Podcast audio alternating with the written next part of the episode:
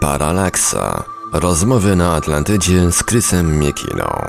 Witajcie bardzo gorąco i serdecznie. Dziś w Radiu Paranormalium zapraszamy na kolejny odcinek audycji Paralaksa Rozmowy na Atlantydzie z Krysem Miekiną. Oczywiście na żywo i oczywiście nasz poszukiwacz prawdy jest już obecny po drugiej stronie połączenia internetowego. Dobry wieczór, Krysie. Dobry wieczór. Obecny ciałem, duch jeszcze schodzi po schodach, widzę go właśnie, nadciąga w moją stronę. Jak nastąpi połączenie, może będziemy razem gotowi, ale nigdy nie wiadomo. Różne rzeczy się dzieją w tym magicznym, jesiennym, późno jesiennym czasie. Dzisiaj audycja ma dotyczyć wudu, więc duchy, demony, lua i inne stworzenia, no będzie od nich gęsto.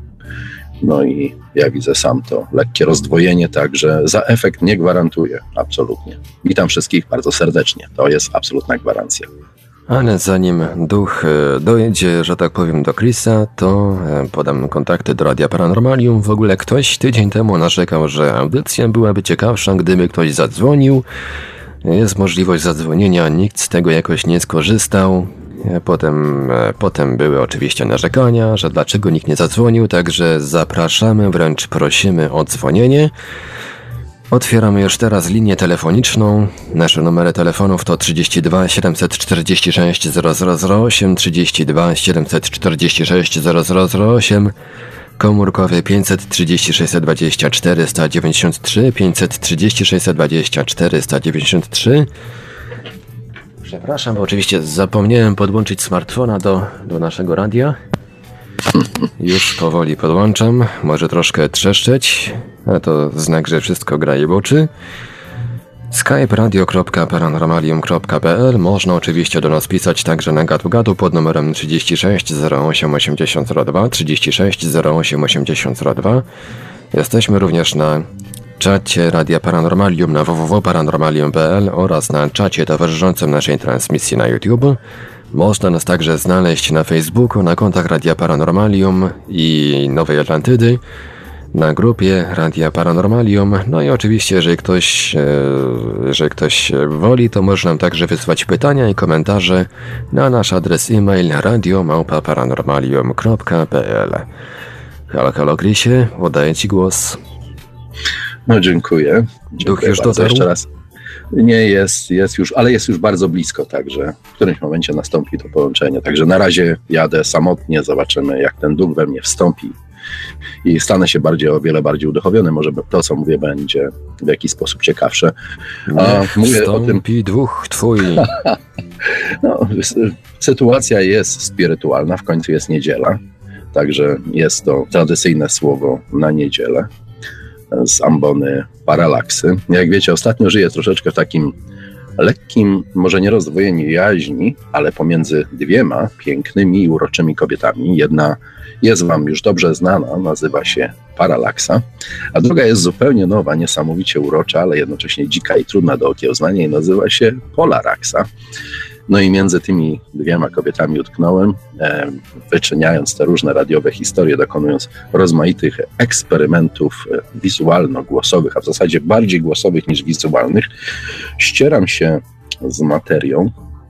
Tutaj dzięki za wszystkie rady, za wszystkie mesycze, listy, które od, od Was dostaję.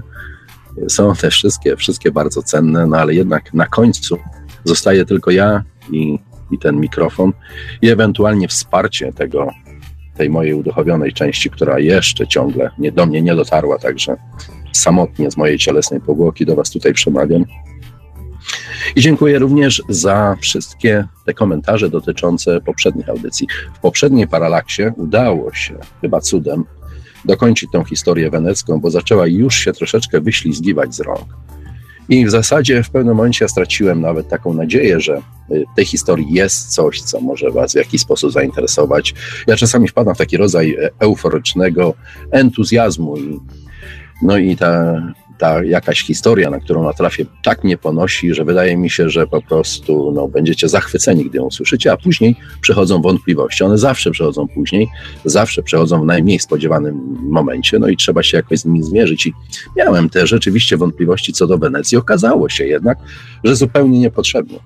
Niepotrzebnie temat Wam się spodobał i cieszę się bardzo, bo rzeczywiście jest w jakiś sposób unikalny, dlatego że przede wszystkim. Yy, w temacie tym. Mówi się o konspiracji, ale w sensie takim, że przestaje to być konspiracja, gdzie pokazuje się winnego palcem, że nie pokazuje się na przykład Sorosa, brzydkich Niemców, nazistów, Rosjan, jakiejś innej określonej grupy. Mamy tutaj do czynienia z absolutnie płynną i niebezpieczną substancją, która od czasu do czasu przyjmuje nazwę. Jest to nazwa umowna. Mogłaby się zupełnie inaczej nazywać. Przez wieki nazywała się Wenecja, dojrzewała do e, tej wielkości monstrum, którym jest dzisiaj. Dzisiaj Wenecja jest tylko pięknym, uroczym zakątkiem, gdzie można się wybrać z narzeczoną, żeby przekazać jej pierścionek z diamentem albo można też poprzechadzać się po placu świętego Marka i żeby nakarmić gołębie i, i no, po prostu pobyć w jednym wspaniałym, unikalnym miejscu, ale jest to miejsce architektoniczne, jest to starówka, taka jak wiele innych. I nie czuje się tej grozy, no bo Wenecja, ten znikające, to znikające i prze, przepoczwarzające się monstrum zmienia swoje, swoje kształty zmienia ludzi i funkcjonuje doskonaląc ten swój arsenał wpływów, jaki, jaki ma na świat. Co mam nadzieję w jakiś sposób udało mi się pokazać i obserwując Wasze komentarze widzę, że, że no, wzbudziło to troszeczkę zainteresowania, dlatego że macie swoje własne wizje i pomysły i cieszę się z tego bardzo. Tutaj e, zajrzałem na komentarze na stronie Radia Paranormalium. Za każdym razem, tak się Wam przyznam, bo jesteśmy w sumie w małym towarzystwie tylko Marek, ja i, i, i wy wszyscy tutaj razem ze mną, no to za każdym razem zaglądam tam z, z, lekką obawą, bo oj, dużo tam jest emocji. I czasami taką emocją, no trzeba ostrożnie otwierać te, te komentarze, bo taką emocją można dostać tak na odlew, tak na dzień dobry, żeby sobie za dużo nie myśleć. I tam wśród rozmaitych komentarzy, bardzo interesujących ciekawych, za wszystkie dziękuję, są, są dwa, które, mm, no, które doceniam szczególnie. Jeden napisany przez kolegę Roba, który zauważył właśnie mm, te wszystkie elementy w polskiej historii, gdzie nagle Wenecjanie pojawili się, pojawili się tak, żeby było ich ledwo co widać, zostawili po sobie bardzo mało śladów i ale, ale zostawili po sobie olbrzymie konsekwencje historyczne dla naszego kraju. Także znalazł wątek Wenecji i Polski bardzo silny, bardzo mocno związany. Natomiast drugi komentarz jest kolegi Kunde, który z kolei poszedł w przeciwną stronę, gdzie on wskazuje, jest troszeczkę niezadowolony, że ominąłem tą historię, skąd ci Wenecjanie tak naprawdę przybyli, że są to Fenicjanie, Kartagińczycy. Tak, no ale to byłaby trzecia część, trzecia część całej opowieści.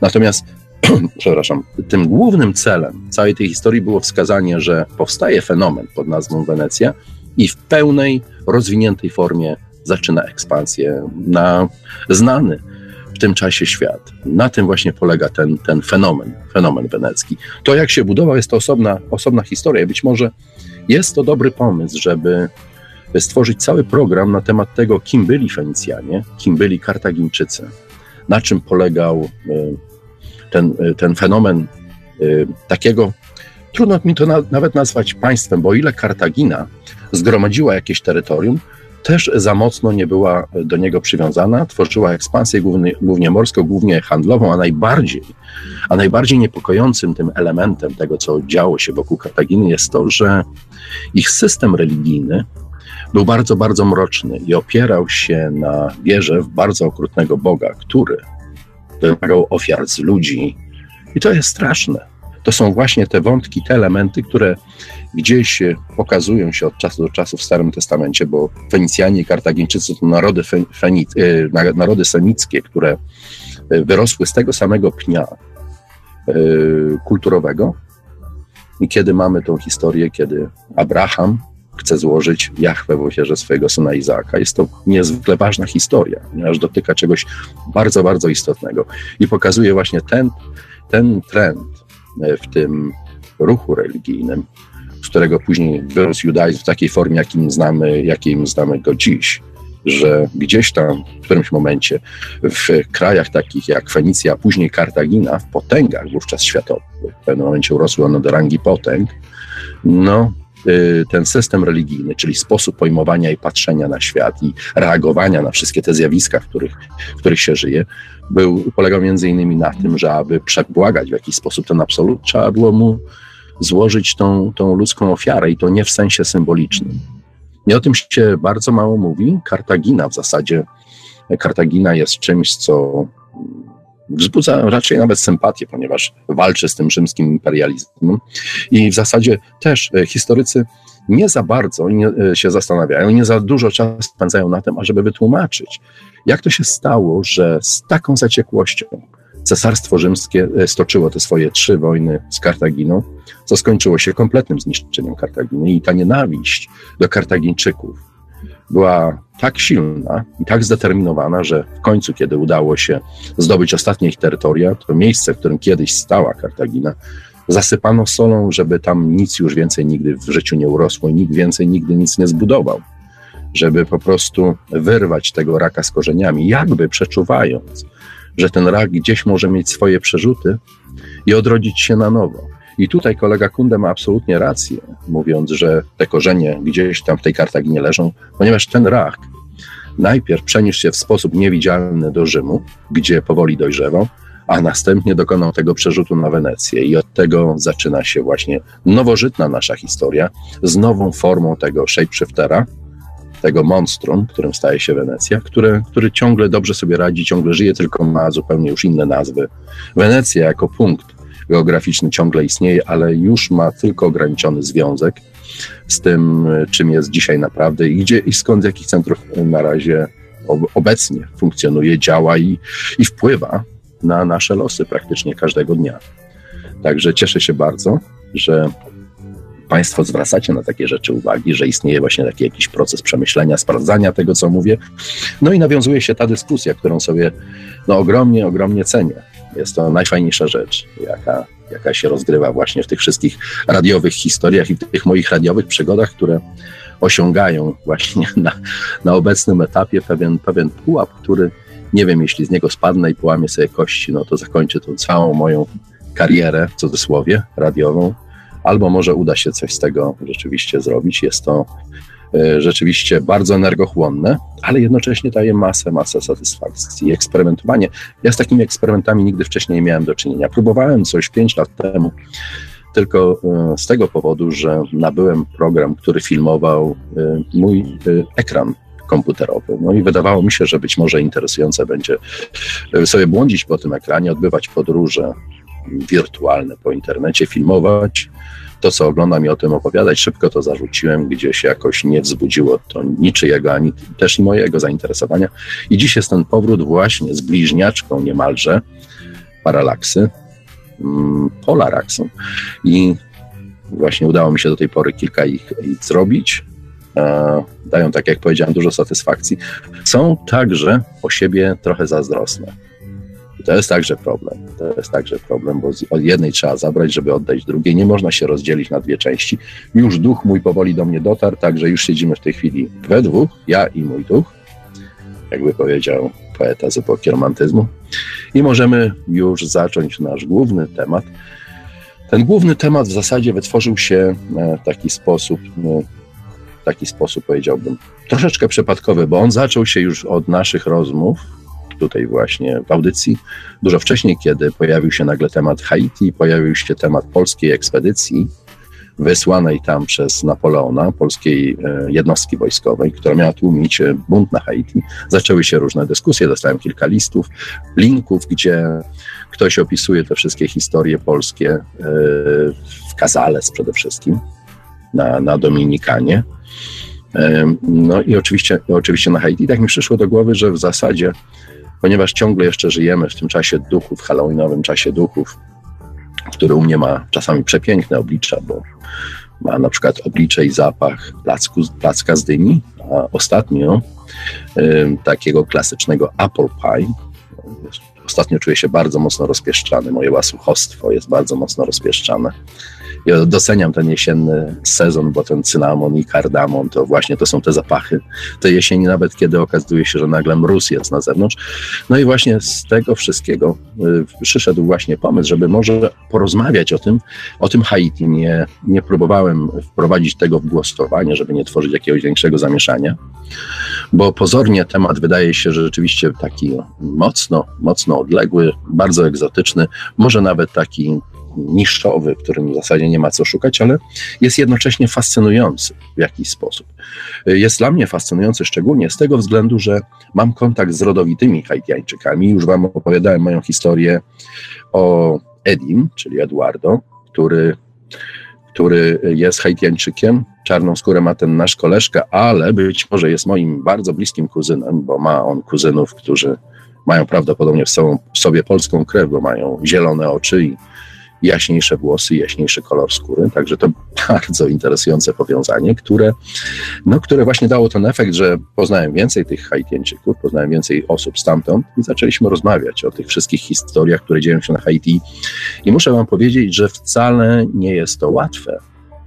Dla nich jest to nie, nie tyle jest to rodzaj e, e, jakiegoś wstydu mówić o tym, na czym polega kultura Haiti, na czym polega ich system wierzeń, ale jest to coś, co jest kwestią niemalże ich, ich własną i prywatną. I dlatego człowiek z zewnątrz, żeby o tym się dowiedział, no musi być w jakiś sposób darzony zaufaniem, a to zaufanie niełatwo jest zdobyć.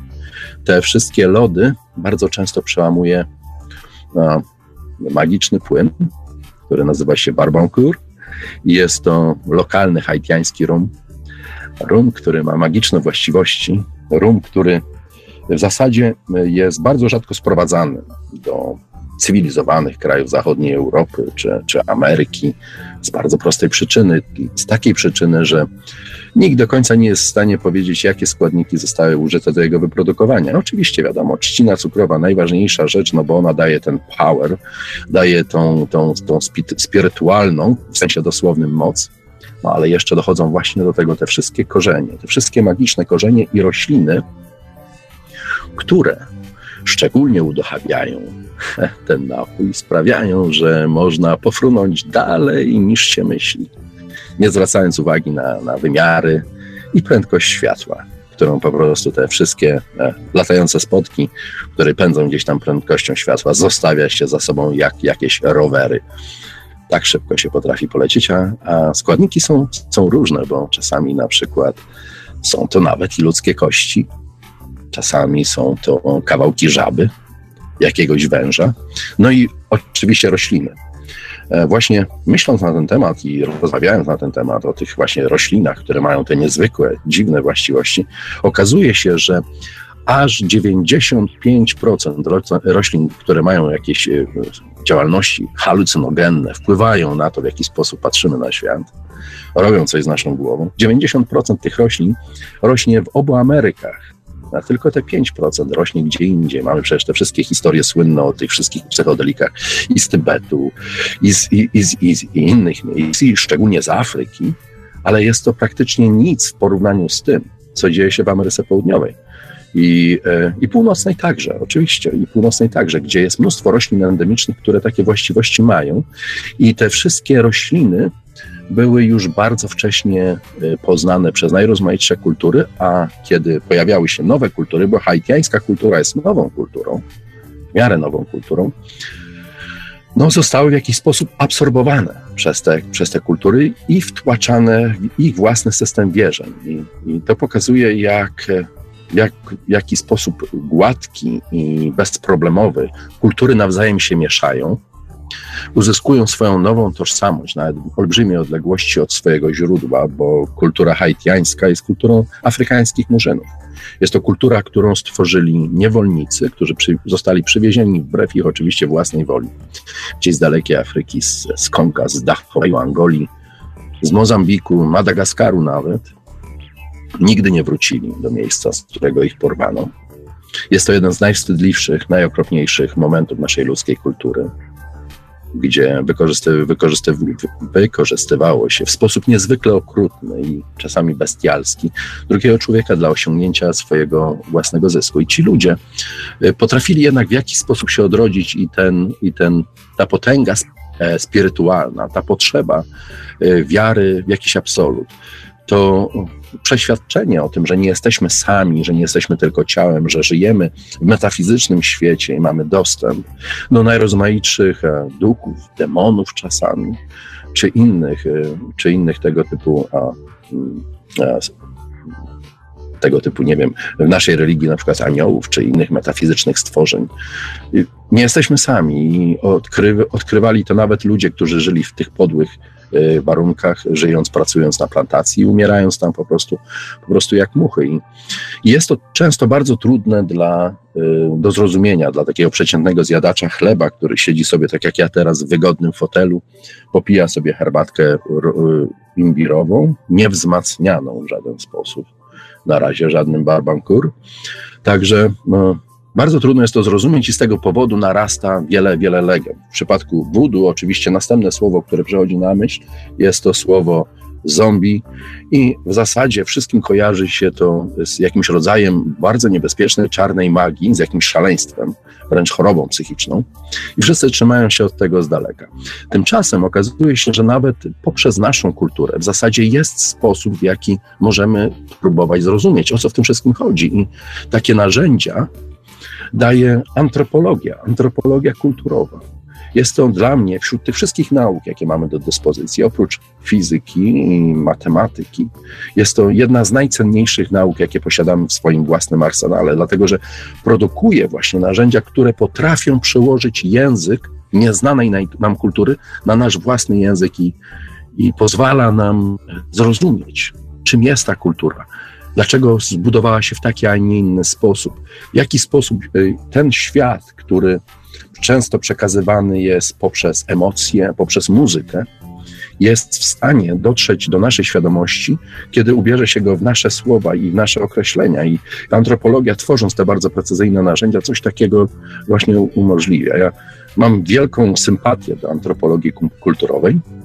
W moim życiu udało mi się na nią trafić bardzo, bardzo wcześnie. Niektórzy nawet mówią, że aż troszeczkę może za wcześnie. Prawdopodobnie miałem wówczas 6, może 7 lat. I mój kuzyn Zdzichu miał wspaniałą bibliotekę książek, z której no, ja czerpałem pełnymi garściami. To tam właśnie znalazłem takie książki, jak na przykład Wielkie Dni Małej Floty, Pertka, co mnie kompletnie zafascynowało i pokazało II wojnę światową w polskim wykonaniu, na dodatek na morzu, już wtedy mojej pasji. No, to było wspaniałe i świetne. Mowy były opowieści kapitana Blada, była cała seria książek o kapitanie Hornblauerze. Są to rzeczy prawie, że nieznane dla dzisiejszej młodzieży. Ja wyrastałem w tej literaturze i któregoś dnia, któregoś dnia, grzebiąc w tych półkach u mojego kuzyna Zdzicha, znalazłem książkę, która miała kilka tomów i miała niezwykle zagadkowy tytuł, ponieważ tytuł brzmiał Życie seksualne dzikich. A moja sześcio czy siedmioletnia wyobraźnia natychmiast stanęła w lekkim takim zapłonie, no bo już wówczas na tamtym etapie byłem w stanie zauważyć, że między chłopcami i dziewczynkami są jakieś różnice, są mężowie, żony, są różne inne historie, więc wydawało mi się, że oto trafiłem na niezwykły skarb takiej jakiejś tajemnej wiedzy. Na pewno mój ojciec nigdy nie zgodziłby mi się kupić takiej książki.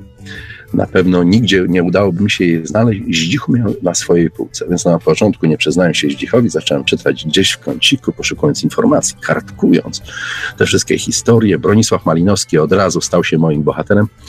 No i wiecie, co znalazłem w tej książce? Nie znalazłem nic. Nie znalazłem nic co byłem w stanie w jakiś sposób zrozumieć. No, Triobrandy, Triobriandy, utkwiło to w mojej pamięci chyba już do końca życia.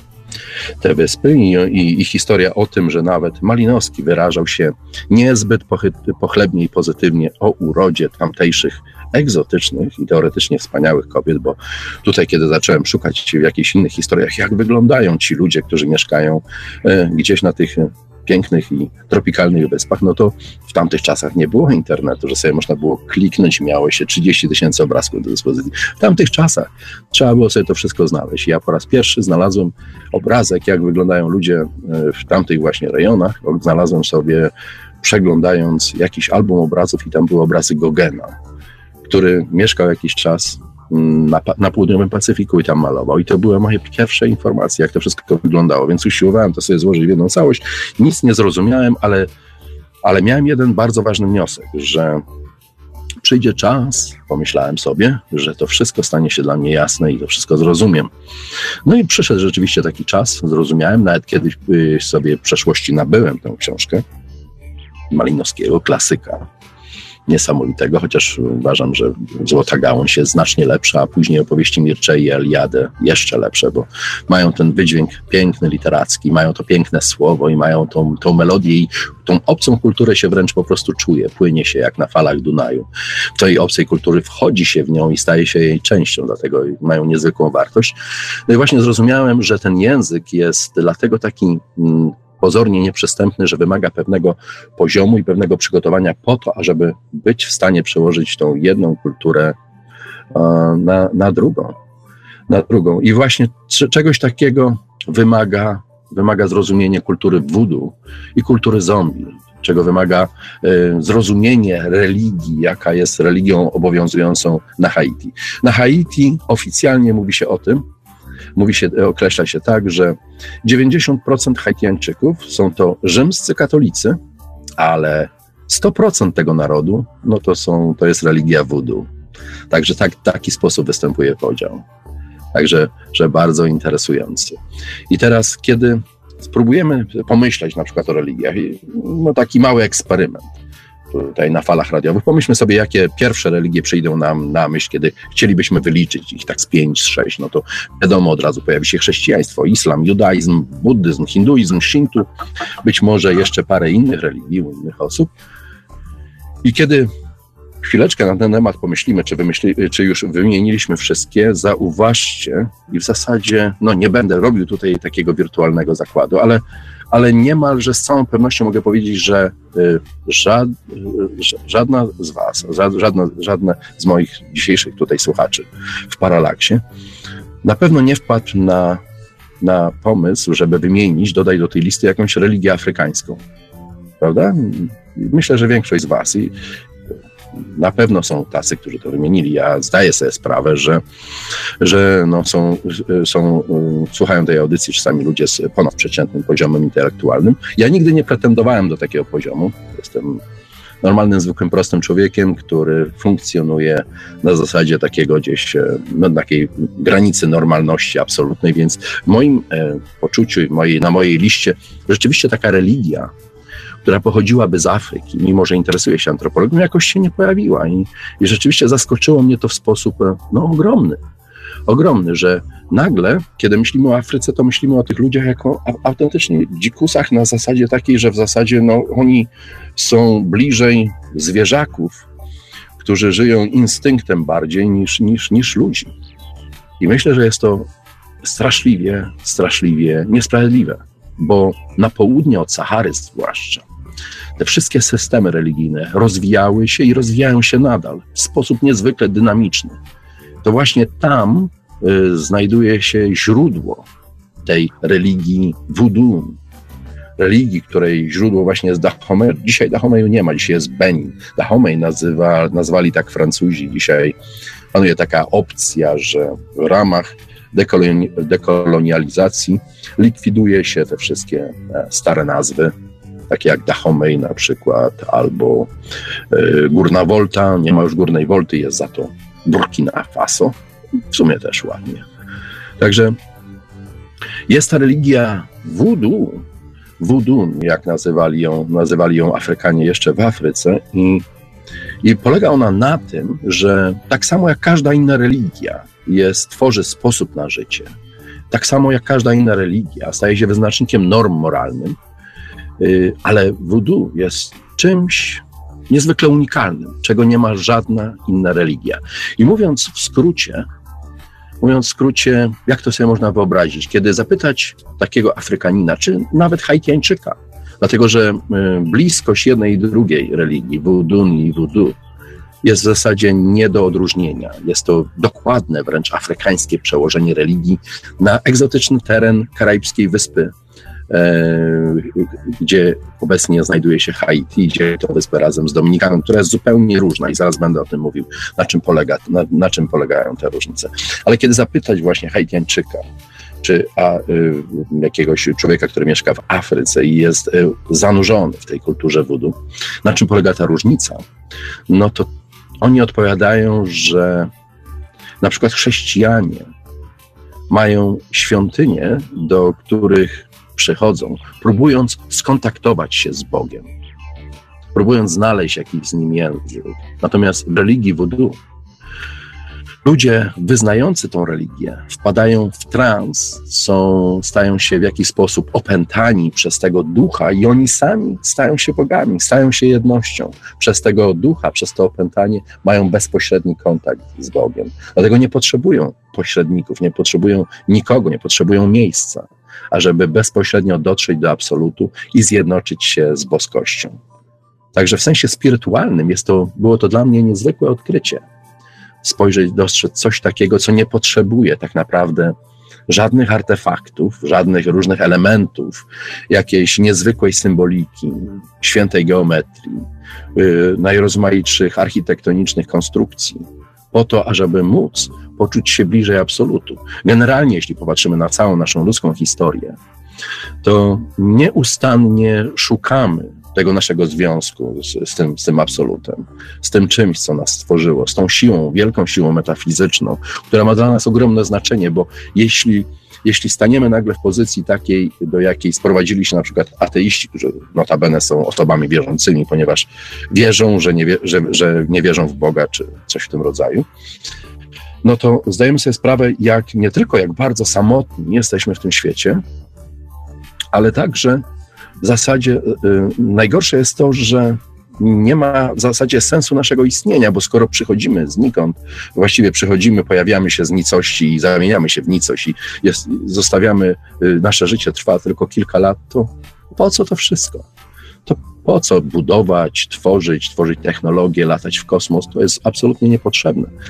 Znacznie lepiej byłoby właśnie napędzić sobie takiego trunku barbankur z różnymi fajnymi nasionami w środku, może niekoniecznie z ludzkimi kośćmi, i po prostu gryząc sobie kwiatka stokrotki i patrząc sobie na przelatujące słowiki, no, rozmyślać sobie o niebieskich migdałach, niż przejmować się tym, jak będzie wyglądał świat i dokąd dążymy. Tylko fakt, że nasze życie ma głębszy sens, że nasze życie na Ziemi jest tylko częścią większej podróży, podróży y, spirytualnej w tym sensie, że y, tracąc jeden wymiar, pojawiamy się gdzieś w następnym reinkarnujemy się w jakiś sposób gdzie indziej, ma tylko i, i wyłącznie znaczenie. I dlatego ta religia jest tak ważna w całej tej ludzkiej historii. Tak bardzo jest istotna, żeby móc stwierdzić, że nie tylko absolut istnieje, ale jednocześnie nawiązać z nim kontakt. No i właśnie i zaskakującym tym wnioskiem było to, że religia voodoo daje tą najprostszą, najbardziej bezpośrednią drogę, drogę wprost, wprost do celu. To z tego powodu właśnie kiedy ta rewolucja, jaka wybuchła, właściwie bunt, olbrzymi bunt przeciwko y, kolonialistom na Haiti, no to jednym z pierwszych efektów y, tego, y, te, tego, co wydarzyło się po zwycięstwie tych byłych niewolników, było to, że po prostu wykopano księży katolickich z, całego, z całej wyspy, no i oddano się kultowi wudu. I tutaj właśnie myślę, że to jest dobry moment, żeby żeby pokazać ten moment, żeby pokazać to miejsce w historii, gdzie to w zasadzie wszystko się zaczęło, bo z jednej strony mówię, że mm, źródła są w Afryce, tutaj nagle coś takiego odradza się na Haiti. Oczywiście tym ważnym elementem, o którym tutaj co jakiś czas wspominam, jest to, że ci ludzie z Afryki zostali po prostu skradzeni, zostali porwani, zamienieni w niewolników i zawiezieni na, wyspie, na wyspę Haiti, która wówczas należała do Francji. Była podzielona między Francję a Hiszpanię. Dzisiejsza Dominikana jest to była hiszpańska kolonia. Dzisiejsze Haiti należało, należało do Francji i ta część Haiti była mm, największą perłą w koronie całych zamorskich imperiów na Karaibach. Nikt nie miał, nawet y, Anglicy na Jamajce, nikt nie miał podobnie produktywnej wyspy, jak mieli Francuzi y, na, na Haiti. Była to najbogatsza wyspa całych Karaibów. Było to później, jak się okazało, także jedyne miejsce na świecie, jedyne miejsce, y, kiedy w historii powiodła się rewolta niewolników. Y, powstanie wybuchło w 1791 roku i jeszcze do tego czasu ta kolonia nie nazywała się Haiti, nazywała się Saint-Domingue produkowała niesamowitą ilość dóbr. Żeby to sobie wyobrazić, no to trzeba spojrzeć na, mapie, na mapę, że jest to niewielki punkcik w sumie na mapie, karaibski punkcik na mapie, gdzie znajduje się Haiti i w tym miejscu, w kolonii francuskiej Saint-Domingue, produkowano na przykład całe, y, dwie trzecie całej światowej kawy. Jest to aż trudne do wyobrażenia. Produkowano tam indygo, skóry krów. 133 miliony ton cukru rocznie było produkowane właśnie na Haiti. I żeby to wszystko wywieźć do Europy, każdego roku średnio przepływało do Haiti 4000 francuskich statków. Także ruch olbrzymi, jak na tamte czasy. Wszystkie te statki były pod żaglami. Także można sobie wyobrazić te gigantyczne flotyle, które wywozi, wywoziły tą olbrzymią ilość dóbr właśnie do Francji. I to chyba wówczas y, staje się dla nas także jasne to, jak to się stało, że Francja szybko doszła do takiej y, potęgi, że Ludwik, y, że, że, że Ludwikowie, Bourbonowie tak wspaniale radzili sobie finansowo z, z utrzymaniem swojego królestwa, jednocześnie wspierali sztukę, budowali wspaniałe rezydencje, zamki, tworzyli kulturę. Wszystko to kosztuje. Za wszystko to trzeba było zapłacić. I te pieniądze, które przypływały do Francji szerokim strumieniem, pochodziły właśnie także, y, a, a może przede wszystkim, z kolonii. Dlatego ten kolonializm i ta walka o kolonię, jaka wybuchła wówczas na świecie, no była, była nie, tylko, nie, nie, tylko zaciekła, ale jednocześnie nadawała tą historię. Wszystko oczywiście zaczęło się od Krzysztofa Kolumba i o jego odkrycia Ameryki, a później już wszystko poszło z siłą wodospadu, jak lawina. Przejmowano i wyrywano sobie nawzajem z rąk różne tereny. No i Francja wyrwała dla siebie Haiti, także i parę innych wysp dookoła, tak jak na przykład Martynika, Dominika, nawet Guadalupe, one do dziś, Martynika do dziś w zasadzie nawet nie jest już kolonią francuską, jest częścią Francji, integralną częścią Francji. Odwiedzałem ją jeszcze w tym roku i będę w przyszłym roku, gdzie będę chciał e, zrobić taką, taką podróż pomiędzy trzema wulkanami, zaczynając od Montpellier na Martynice, przez wulkan Sulfur e, na St. Lucie, a kończąc na, na wulkanie który znajduje się na St. Vincent i który również nazywa się Sulfur. E, nie też jest, ponieważ miałem już pierwszy rekonesans w tym terenie, wydaje mi się, że jest to niezwykle atrakcyjna podróż, kiedy będzie można się skupić na, na tych wulkanach i na kulturze, która wokół się e, nich ona rozwija. I tam również właśnie można zobaczyć te elementy tej o wiele bardziej nieoficjalnej kultury, która ma właśnie w sobie i voodoo, i zielarstwo, i różne inne historie i przygody. Myślę, że to będzie w jakiś sposób ciekawe. To jest projekt na przyszłość, także nie będę o nim mówił. E, Martynika w tej chwili, Martynika jest częścią, częścią Francji, kupuje się tam za, za euro i, i jest dystryktem. Jest tam wojsko francuskie i to jest to pozostałość po tym wspaniałym e, imperium karaibskim Francji, którego właśnie perłą było Haiti, żeby te wszystkie dobra w jakiś sposób udało się stworzyć, no oczywiście potrzebna była siła robocza i dlatego znów tysiące statków przywoziły niewolników z Afryki. Dlatego, że śmiertelność tych niewolników no, była olbrzymia. Oblicza się dziś, że mniej więcej średnio rocznie na Haiti umierało 19 tysięcy ludzi. 19 tysięcy niewolników. Jest to niesamowita liczba. Przeliczcie to sobie na ilość dni.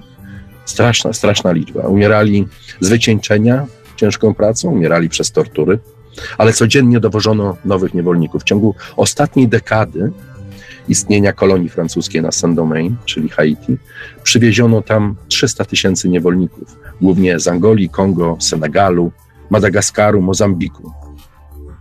Kiedy wybuchła rewolucja, oczywiście y, pierwszymi, pierwszymi jej ofiarami byli wszyscy ci biali plantatorzy, niezwykle okrutni, niezwykle bogaci, no, ale w zasadzie no, trudno jest ich żałować. Wszyscy stracili życie w bardzo okrutny sposób. I y, cała wyspa Haiti została w jakiś sposób odizolowana. A nagle okazało się, i to było zdumiewające, to jest zdumiewające odkrycie, że na Haiti mieszka więcej Afrykanów niż w całej Afryce. Oczywiście ja wiem, to brzmi bardzo kontrowersyjnie. Jak jest w stanie być więcej e, Afrykanów na Haiti, na niewielkiej wyspie, niż na olbrzymim kontynencie? Ale trzeba pamiętać, że w XIX wieku, kiedy kolonializm osiągnął swój punkt szczytowy, praktycznie cała Afryka była podzielona pomiędzy potęgi kolonialne i niemalże każda afrykańska kultura była bezwzględnie niszczona przez te potęgi kolonialne. Najrozmaitszy sposób. Francja, oczywiście Wielka Brytania, Portugalia i inne kraje. Belgia na przykład, olbrzymia hekatomba, olbrzymia masakra, jakiej dokonano w Belgii, gdzie król Leopold zabił więcej ludzi niż, niż Adolf Hitler w II wojnie światowej. Zdumiewające po prostu i też o tych faktach się nie mówi. Y, kolonie niemieckie w Namibii, gdzie na miejscowych bushmenów polowało się jak na zwierzęta i y, odcinało się im głowę i za taką głowę dostawało się pieniądze w punkcie skupu tego typu głów i było to coś zupełnie normalne. Dziś wydaje się to absolutnie nieludzkie i straszliwe. Zresztą chyba z każdego punktu widzenia, w każdym czasie będzie to nieludzkie i, i, i nie do przyjęcia, że człowiek był w stanie doprowadzić się do takiego, do takiego etapu, e, do takiego niskiego poziomu, żeby móc w ten sposób reagować i traktować innego człowieka jako zwierzynę. Zresztą no, parę razy o tym mówiłem wcześniej, kiedy kiedy Kolumb odkrył Amerykę i pojawili się tam hiszpańscy konkwistadorzy, jakiś czas trwało, ponad 100 lat trwało, zanim papież łaskawie uznał, że ludzie, którzy zamieszkują Amerykę Południową, są w ogóle ludźmi. Dopóki tego nie, to nie zostało oficjalnie powiedziane w bulli papieskiej, Hiszpanie traktowali ich jak zwierzęta, dlatego nikt nie miał żadnych wyrzutów sumienia, że zabijano i tych wszystkich biednych ludzi tysiącami, karmiono ich mięsem psy, zabawiano się w, w straszliwie okrutny sposób, spalono na stosie i robiono różne straszne rzeczy. Straszne rzeczy, o których też do tej pory mówi się ze wstydem, dlatego że, dlatego że za tym, co się stało, stoją e, nazwiska, stoją nazwy państw, stoją kultury, które dziś chlubią się swoją wielkością, swoją wyższością nad innymi kulturami. Dlatego w tym przypadku, przynajmniej w tej historii kolonialnej, my Polacy nie, dzięki temu nie musimy mieć żadnych wyrzutów sumienia. Polska nigdy nie prowadziła polityki kolonialnej, nigdy nie zniewalała innych narodów i przez setki lat była ostoją wolności. Mam nadzieję, że jest tak, tak że jest, jest w naszym kraju także do dziś i myślę, że ta cecha naszego narodu, to, ta, to poczucie, potrzeba wolności jest, jest czymś niezwykle pięknym i szlachetnym, co warto jest e, pielęgnować i co stawia nas wśród innych narodów na zupełnie innej pozycji, której nie musimy się w żaden sposób wstydzić i mieć jakichś e, uprzedzeń, że nasza kultura jest słabsza niż na przykład kultura niemiecka, czy, czy angielska, czy, czy jeszcze jakaś inna. Jeśli popatrzymy, co się za tamtymi kulturami kryje, ile jest krwi ludzkich nieszczęść, ile okrucieństw i najrozmaitszych świństw, nasza wygląda znacznie, znacznie lepiej. Jest może prosta, jest może przaśna, nie ma tylu wynalazków i wielkich naukowców i wielkich, wielkich osiągnięć, ale przynajmniej ten, to umiłowanie y, tej wolności, rozrozumienie, na czym polega równość i demokracja, bo zaskakujące jesteśmy też jednym z najwcześniejszych krajów demokratycznych. Oczywiście działało to na pewno określonym poziomie, gdzie najpierw zdemokratyzowała się szlachta, ale nie chcę już odjechać, odjeżdżać na te, na te dyskusje na temat Polski, bo za chwilę pojawią się poprawki różne na internecie do tej mojej wypowiedzi. Idę na skróty, ponieważ chcę jak najszybciej znów wrócić do tego, do tego, do tego Haiti. I właśnie te wszystkie, te wszystkie potęgi e, spowodowały zniszczenie kultury w Afryce i przez to, i przez to kultura na Haiti, murzyńska kultura na Haiti mogła się rozwijać w sposób właściwie nieokiełznany, niekontrolowany przez nikogo, dlatego że Haiti nagle stało się, stało się twierdzą. Twierdzą, jak się później okazało, nie do zdobycia. Próbowały y, zgładzić to powstanie, odbić tą wyspę różne potęgi. Hiszpanie na przykład przepuścili potężny atak z Dominikany. Atak został y, po prostu zniszczony z, wręcz z magiczną siłą. Próbowali Anglicy, im się też nie udało. Oczywiście próbowali Francuzi. Francuzi bardzo chcieli odbić z powrotem tą swoją perłę w koronie i między innymi Napoleon wysłał tam swojego brata Leclerc z ogromną flotylą. Flotylla, jaka popłynęła wówczas na Karaiby, była największą flotylą, jaka opuściła Francję kiedykolwiek we francuskiej historii. Także tak bardzo ważna była, było, było, y, było to miejsce, było Haiti, a także jeszcze inne miejsce, bo Francuzi i ta wizja przyszłej, przyszłości Francji, przyszłej potęgi francuskiej, która miała podobnie jak brytyjska być tak wielka, że nie zachodziło nad nią słońce, y, to była, polegała na tym, że Francuzi nie tylko chcieli Haiti z powrotem, ale chcieli także bardzo mocno zapuścić korzenie w Luizjanie, bo nazwa Luizjana, w ogóle pochodzi od, od Ludwika, Louise, Y, I jest, są, to, są to kolonie francuskie, które miały być przeciwwagą dla kolonii brytyjskich, z których tych 13 kolonii brytyjskich powstało późniejsze państwa amerykańskie. Także mamy tam zamieszanie w historii. Francuzi docierają do, y, do Luizjany, usiłują y, stworzyć zamieszanie pomiędzy, pomiędzy oczywiście Anglikami, ich największymi konkurentami, a budzącym się, taką budzącą się świadomością niepodległościową Amerykanów, którzy nagle dochodzą do wniosku, że lepiej im się będzie żyło bez buta kolonialnego panów z Anglii, sami sobie mogą rządzić w tym kraju, dlatego wspierali tą tak zwaną rewolucję francuską, a olbrzymia część tej floty, łącznie właśnie z Polakami na, na pokładzie, popłynęła do Haiti tłumić powstanie. I okazało się, że ta gigantyczna siła militarna po prostu rozpadła się w puch rozpadła się w pół kosztem olbrzymich ofiar.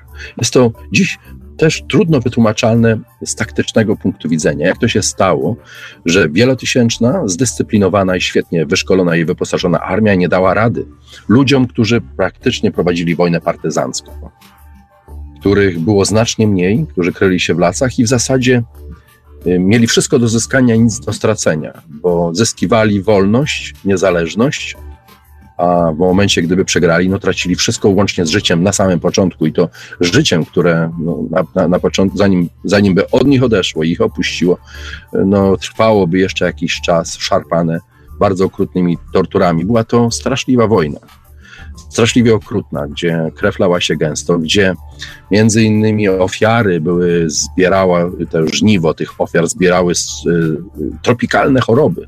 Żółta febra dziesiątkowała tych francuskich i polskich żołnierzy w tym czasie, którzy walczyli z Murzynami.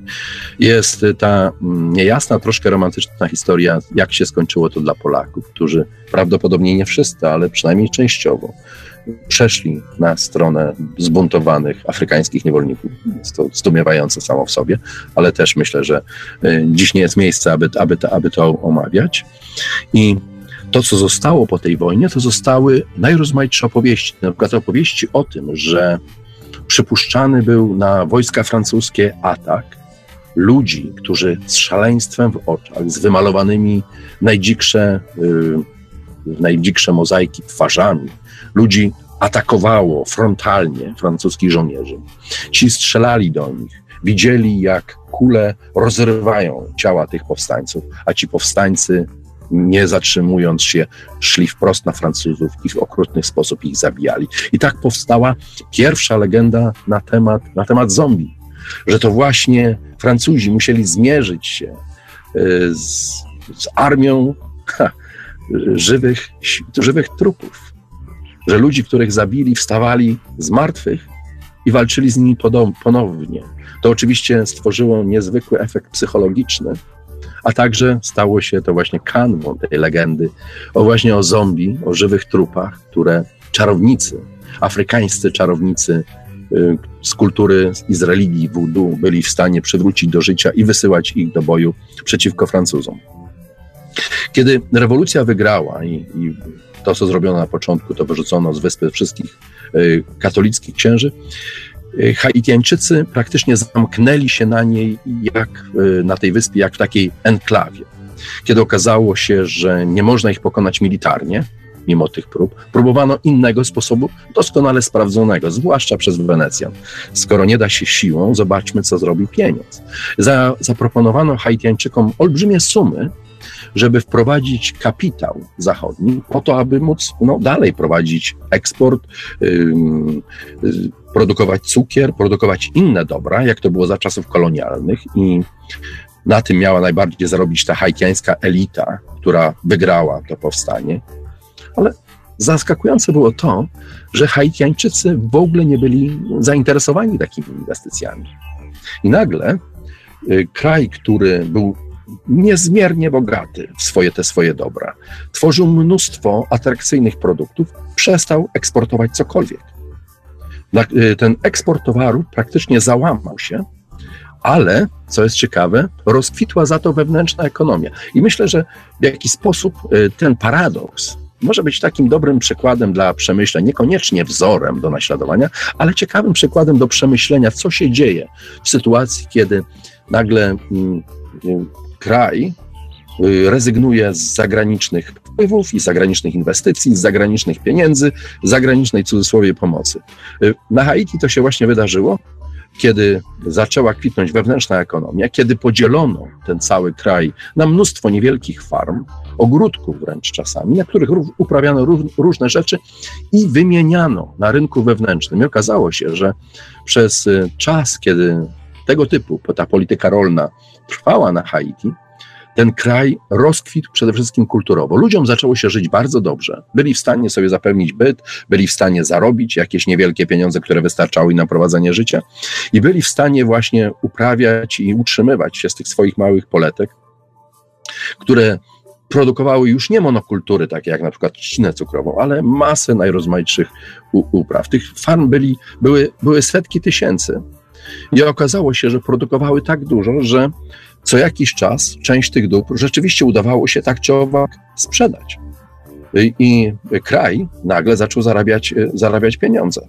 I te pieniądze były w jakiś sensie i to nie brzmi jak, nie chciałbym, żeby to zabrzmiała jakaś, jakaś socjalistyczna, socjalistyczna propaganda, ale ponieważ wszyscy wywodzili się z tego samego pnia, no te pieniądze były w jakiś sposób e, rozdzielane równo. Kiedy powstawały jakieś spore sumy, wyobraźcie sobie, następny moment, element historii tego kraju i Haiti, kiedy Haiti udawało się zdobyć jakieś sumy pieniędzy, które były większe od takich, które były potrzebne do tego, ażeby tworzyć no powiedzmy w cudzysłowie infrastrukturę, bo tam na, tej, na tym Haiti nie budowano zbyt dużo w tym czasie, nie było to po prostu potrzebne. Wspaniały klimat, nieustanne słońce, więc nie ma potrzeby budowania no, ocieplonych domów, czy wodociągów, czy czegoś takiego innego.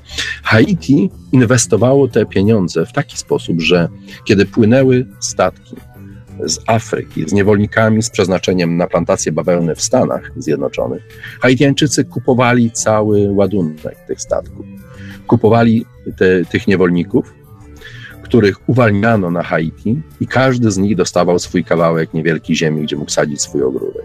Także przepiękny, przepiękna historia o tym, że ten kraj, który powstał w tak niezwykły sposób, do końca utrzymywał ten swój niezwykły, ten swój niezwykły magiczny czar i to poczucie wolności, poczucie tego, że, że to, co zrobił, jest warte, ażeby rozprzestrzeniać to po świecie.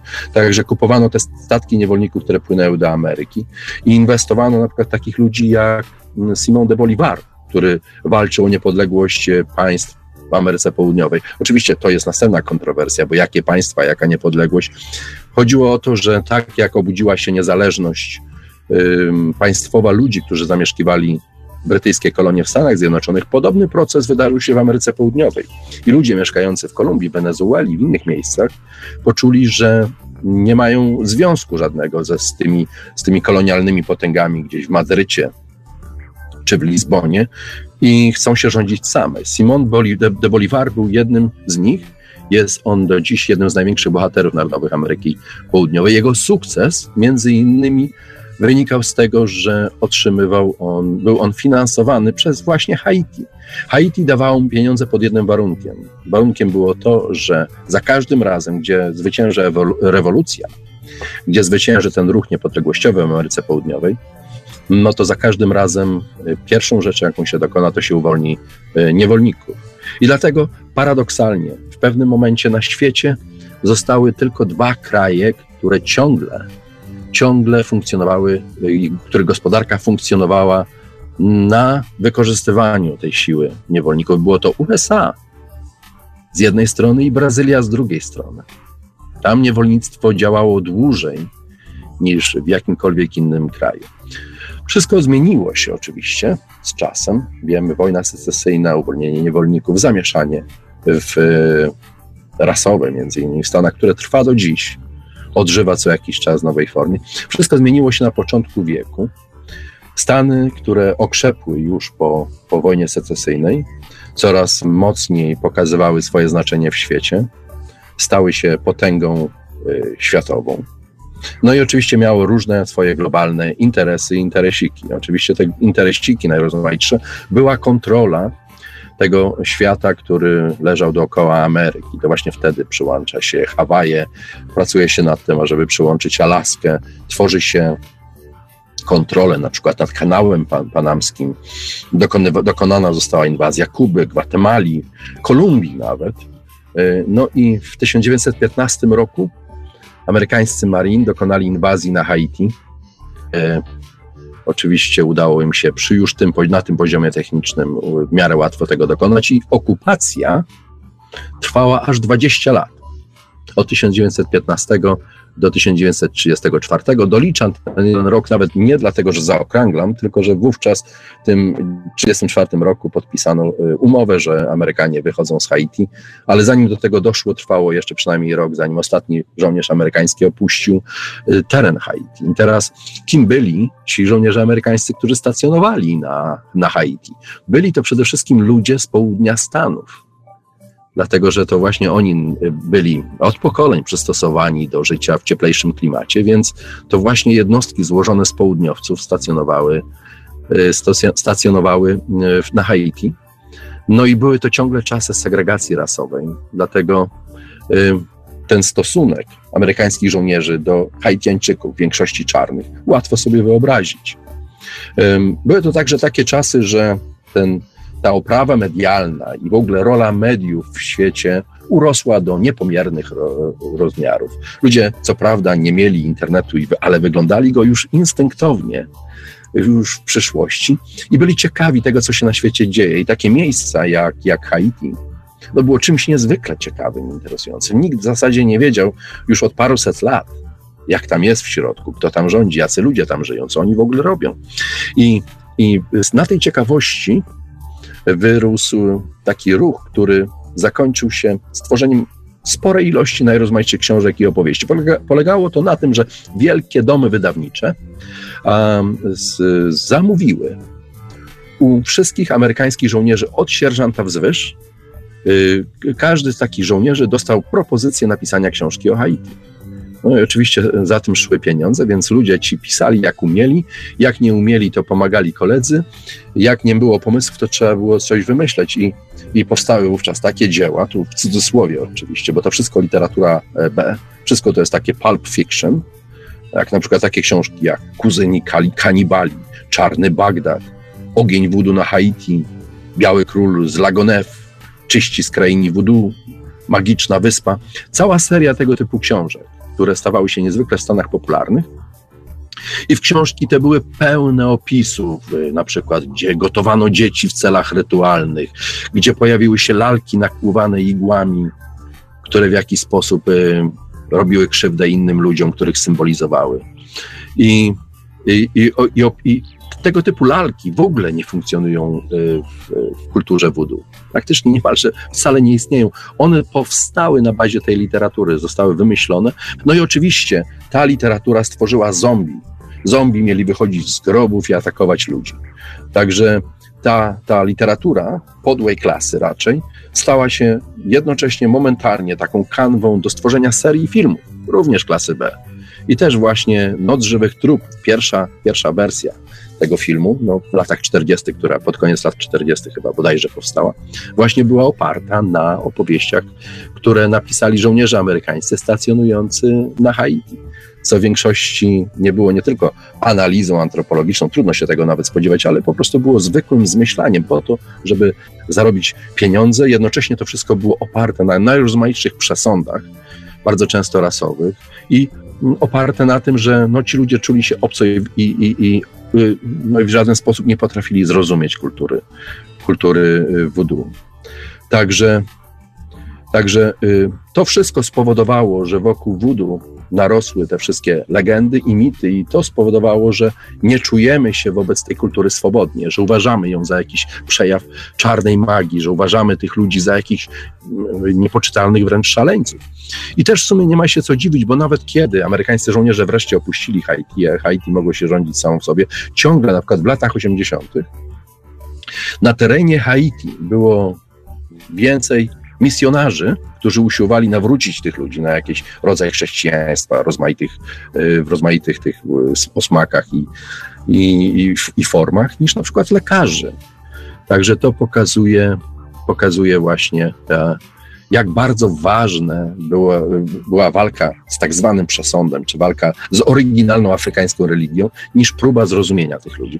Teraz z drugiej strony, jeśli popatrzymy na nas samych, i na przykład na religię chrześcijańską, no to tych dziwactw również możemy znaleźć bardzo, bardzo dużo, no bo my uważamy, na, na przykład uważając tych ludzi za, za dzikusów, a siebie za wyższych kulturowo, no to spójrzmy na chrześcijaństwo, na przykład na, na, na relikwie. Czyż to nie jest oddawanie czci jakimś szczątkom tajemniczym? Spójrzmy na to z takiego punktu widzenia. Czy to nie jest coś, co co, co no jest niezwykle kontrowersyjne, że relikwia staje się czymś niezwykle świętym, ważnym, ludzie się do tego modlą, albo na przykład ta metafizyczna przemiana, jaka zachodzi przez, podczas komunii. Nie chcę oczywiście głęboko w to wnikać, ponieważ y, uważam, że ludzie wierzący mają prawo y, przeżywać ten cały rytuał, to całe misterium, ale jeśli popatrzeć na to z takiego z boku, z punktu widzenia kogoś, kto nigdy nie miał nic wspólnego z religią chrześcijańską, z pewnością wydawałoby się to dziwne, stworzyłoby pewien rodzaj przesądu, stworzyłoby rodzaj takiego e, nawet patrzenia w endokanibalistyczny sposób na ten rytuał że jednak do czegoś, do czegoś takiego dziwnego dochodzi. Dlatego właśnie my z takiej samej pozycji patrzymy na Haiti, patrzymy na, na voodoo i zombie i jesteśmy bardzo szybcy w naszych ocenach. Także y, myślę, że nie jest to absolutnie sprawiedliwe i temu miała być poświęcona nasza audycja, która jak widzę powoli, powoli zmierza do końca. Powoli zmierza do końca, bo czas powoli nas goni. Za chwilę będzie debata um, ufologiczna oczywiście, ale jeszcze na koniec chciałbym y, dla wszystkich tych, którzy zainteresowani są tego typu kulturą, nie wiem, czy wrócimy do drugiej części e, do, do kwestii wudu, jeśli będziecie chcieli, to z przyjemnością, jeżeli nie, przejdziemy do następnych tematów, ale taką osobą, dla mnie przynajmniej wyznacznikiem, już, już nie jest ten Malinowski, o którym dzisiaj wspominałem, Bronek zresztą, a, a mała dygresja, Bronisław Malinowski będzie za jakiś czas mm, bohaterem jednej z moich opowieści, z tego względu, że Bronisław Malinowski leży... Y, jego grup znajduje się w Stanach, znajduje się w Connecticut, niedaleko Yale University, gdzie spędził masę, masę czasu i leży sobie w zapomnieniu i może czas odgrze- odgrzebać polskich bohaterów, zwłaszcza tak znacznych jak Malinowski, który stworzył całą olbrzymią dyscyplinę naukową, i to stworzył w pojedynkę. I to jest niezwykły, niezwykły człowiek, o którym zapomnieliśmy. Pamiętamy o Maliniaku, o innych Malinowskich, a o Bronku Malinowskim, który przysłużył się tak bardzo światowej kulturze, i był jednym z nas. Jakoś tak troszeczkę zapomnieliśmy, może to nie jest zbyt ładne. Już zlokalizowałem alejkę na cmentarzu, gdzie leży Bronisław, także w jakiś piękny dzień z pewnością wybiorę się tam y, z kamerą i będzie opowieść na grobie na temat życia seksualnego dzikich i różnych przygód, jakie Bronisław Malinowski przeżywał w tym czasie. W jaki sposób pierwsza wojna światowa, której był y, w jaki sposób ofiarą spowodowała, że trafił na triobrandy, gdzie Anglicy nie wiedzieli, co z nim zrobić, dlatego w razie czego wysłali go tam jako, że, jako, jako do miejsca, gdzie miał przebywać w niewoli, bo był poddanym Franca Józefa, więc był teoretycznie wrogiem, a nie chciano mu zrobić krzywdy. Dzięki temu powstała ta książka, ale to, ale to dygresja, dygresja. Natomiast drugą osobą, która jest dla mnie niezwykle cenna, jest kanadyjski badacz Wade Davis, który jest etnobotanikiem, ale przede wszystkim jest antropologiem. Jest niezwykłym człowiekiem, jest absolutnie niezwykłym człowiekiem. Myślę, że jest to ktoś, kto doskonale nadaje sens takiemu, takiej nauce, jaką jest antropologia, ponieważ wnika w taką kulturę, nie opisuje ją w sposób suchy, ponieważ Wade Davis zawsze, gdy bada jakąś kulturę, stara się być jej częścią stara się być jej integralną częścią, nie obawiając się niczego. Doszło nawet do tego, że kiedy któregoś dnia spotkał się z jednym e, z czarowników wudu, a czarownika wudu należy rozumieć jako kapłana w sensie negatywnym. Jest to taki ujemny kapłan. Ma nas nie prowadzić, a może, może nas zmylić. I zaczął z tym kapłanem e, rozmawiać na temat różnych historii związanych z tą religią. I powoli następował rodzaj takiej przyjaźni i zaufania pomiędzy dwoma tymi ludźmi. Kapłan któregoś dnia e, zdumiony tym, w jaki sposób Wade jako biały człowiek rozumie rozumie y, te wszystkie niuanse religii voodoo, bo jest, Wade Davis jest człowiekiem niezwykłym, no dał mu do, do napicia się butelkę Babankur, gdzie właśnie były ludzkie kości, kawałki jakiegoś nieznanego mięsa i obserwował go bardzo uważnie. Wade Davis e, popatrzył na butelkę, przyłożył ją do ust i pociągnął ostry, ostry, mocny kawałek. Zdumiało to bardzo tego czarownika, który powiedział: Jakim białasem ty jesteś? Wytłumacz mi, Wade. Bo był to pierwszy raz, kiedy okazało się, że nawet dla tych ludzi, których kultura wyrosła w pewnym sensie na, na, tym, na tej ich e, różnicy etnicznej, jaką, jaka jest widoczna gołym okiem pomiędzy nimi a resztą świata, zwłaszcza białymi kolonistami, których ślady tego kolonializmu są tam żywe do dziś, no to okazuje się, że nawet y, ta wielka różnica, która wynika z koloru skóry, jest w stanie być przełamana. I w ten sposób Wade Davis zdobył sobie zaufanie, zaufanie czarowników y, voodoo na Haiti i mógł prowadzić swoje własne badania, a także mógł zdobyć receptę na, na to, jak zrobić proszek czy substancję, która jest w stanie każdego zrobić, prze, przerobić na wudu. Dlatego, że tą, tą trucizną, bo tak to trzeba nazwać, zainteresowała się nauka, zainteresował się y, Uniwersytet Harvarda, tak? Planując długie loty kosmiczne, nie mając jeszcze do dyspozycji odpowiedniego silnika, zakłada, że na przykład lot na Marsa będzie trwał wiele, wiele miesięcy, lot w inne części Układu Słonecznego, być może jeszcze dalej. I teraz nie da się, ażeby ten astronauta siedział na tyłku i patrzył się w przestrzeń kosmiczną przez te wszystkie lata i nic nie robił. Więc najlepszym sposobem byłoby e, zatrzymać jego metabolizm, ale w taki sposób, żeby móc ożywić go kiedy dotrze już na miejsce. I często to pokazuje się na różnych filmach science fiction. I fajne jest to, że tak naprawdę NASA myśli o czymś takim poważnie i dlatego zainteresowała się tym proszkiem, tą substancją, tym dziwnym płynem tajemniczym, który spowoduje, że człowieka można doprowadzić na kraj śmierci, na kraj śmierci, gdzie cała nasza zachodnia medycyna wskaże, że ten człowiek już nie żyje, a tymczasem okazuje się, że za parę dni ten człowiek wstaje jak gdyby nigdy nic z grobu i może dalej funkcjonować. Dlatego właśnie wysłano Wade'a Davisa, wysłano wielu znanych y, toksykologów, ichtiologów i różnych innych naukowców na Haiti w poszukiwaniu, w poszukiwaniu tego recepty na to, jak zrobić ten płyn tworzący zombie. No i właśnie Dave, y, y, Wade Davis opisał to w swojej książce Serpent in the, in the Rainbow.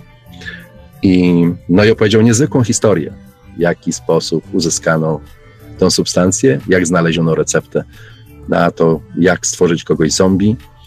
Mm, I, I te wszystkie historie, mam nadzieję, będę mógł ewentualnie opowiedzieć Wam następnym razem, jeżeli wciąż macie jeszcze ochotę posłuchać o, o voodoo i o zombie.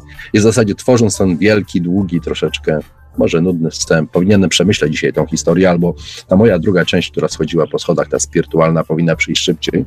Szybciej gdzieś powinno nastąpić to połączenie między nami. Może nie rozgadywałbym się y, na temat historii tak dużo, ale myślę, że jest to w jakiś sposób było to konieczne do tego, żeby ustalić pewne tło, pewien punkt wyjścia do tego, do, do rozmyślań nad tym tematem. Inaczej, inaczej znów byłoby to zawieszone w próżni i w zasadzie nie wytłumaczyłoby nic. Także dziękuję wszystkim serdecznie za uwagę, za cierpliwość, no i za wytrzymanie tematu voodoo i zombie. Ja już w mojej podwójnej formie duchowej i cielesnej żegnam się z Państwem, serdecznie dziękuję i no, do następnego razu zapraszam na moją stronę, zapraszam e, oczywiście do Paralaksy i do jej siostry bliźniaczki Poliraksy, która na razie jeszcze ciągle zmienia fryzury i nie wie kim chce być. Ale wszystko przed nami. Zabawa jest na razie dobra. E, sympatia, z jaką darzycie moje próby, dodaje sił i odwagi, także będę, będę nadal próbował. Mam kilka nowych przemyśleń i kilka nowych pomysłów, jak dalej poprowadzić tego typu historie. Dziękuję bardzo Markowi, że e, utrzymuje e, paralaksę przy życiu i że możemy prowadzić i dalej kontynuować tę audycję. Dobranoc wszystkim, miłej niedzieli i dobrego poniedziałku, najpiękniejszego dnia tygodnia, jak mawia to Marek Senkiewelios. Dziękuję jeszcze raz, dobranoc. A mówił te słowa do Państwa nasz niestrudzony poszukiwacz prawdy Chris Miekina, autor Cywilisu Nowa Atlantyda oraz audycji Paralaxa, no i wideobloga Polaraxa. Dzięki jeszcze raz, Chrisie. Dziękuję, dziękuję bardzo. A audycję od strony technicznej obsługiwał jak zawsze Marek Sękiewelios, Radio Paranormalium, paranormalny głos w Twoim domu, dobranoc i do usłyszenia ponownie w kolejnej Paralaksie już za tydzień. Produkcja i realizacja Radio Paranormalium www.paranormalium.pl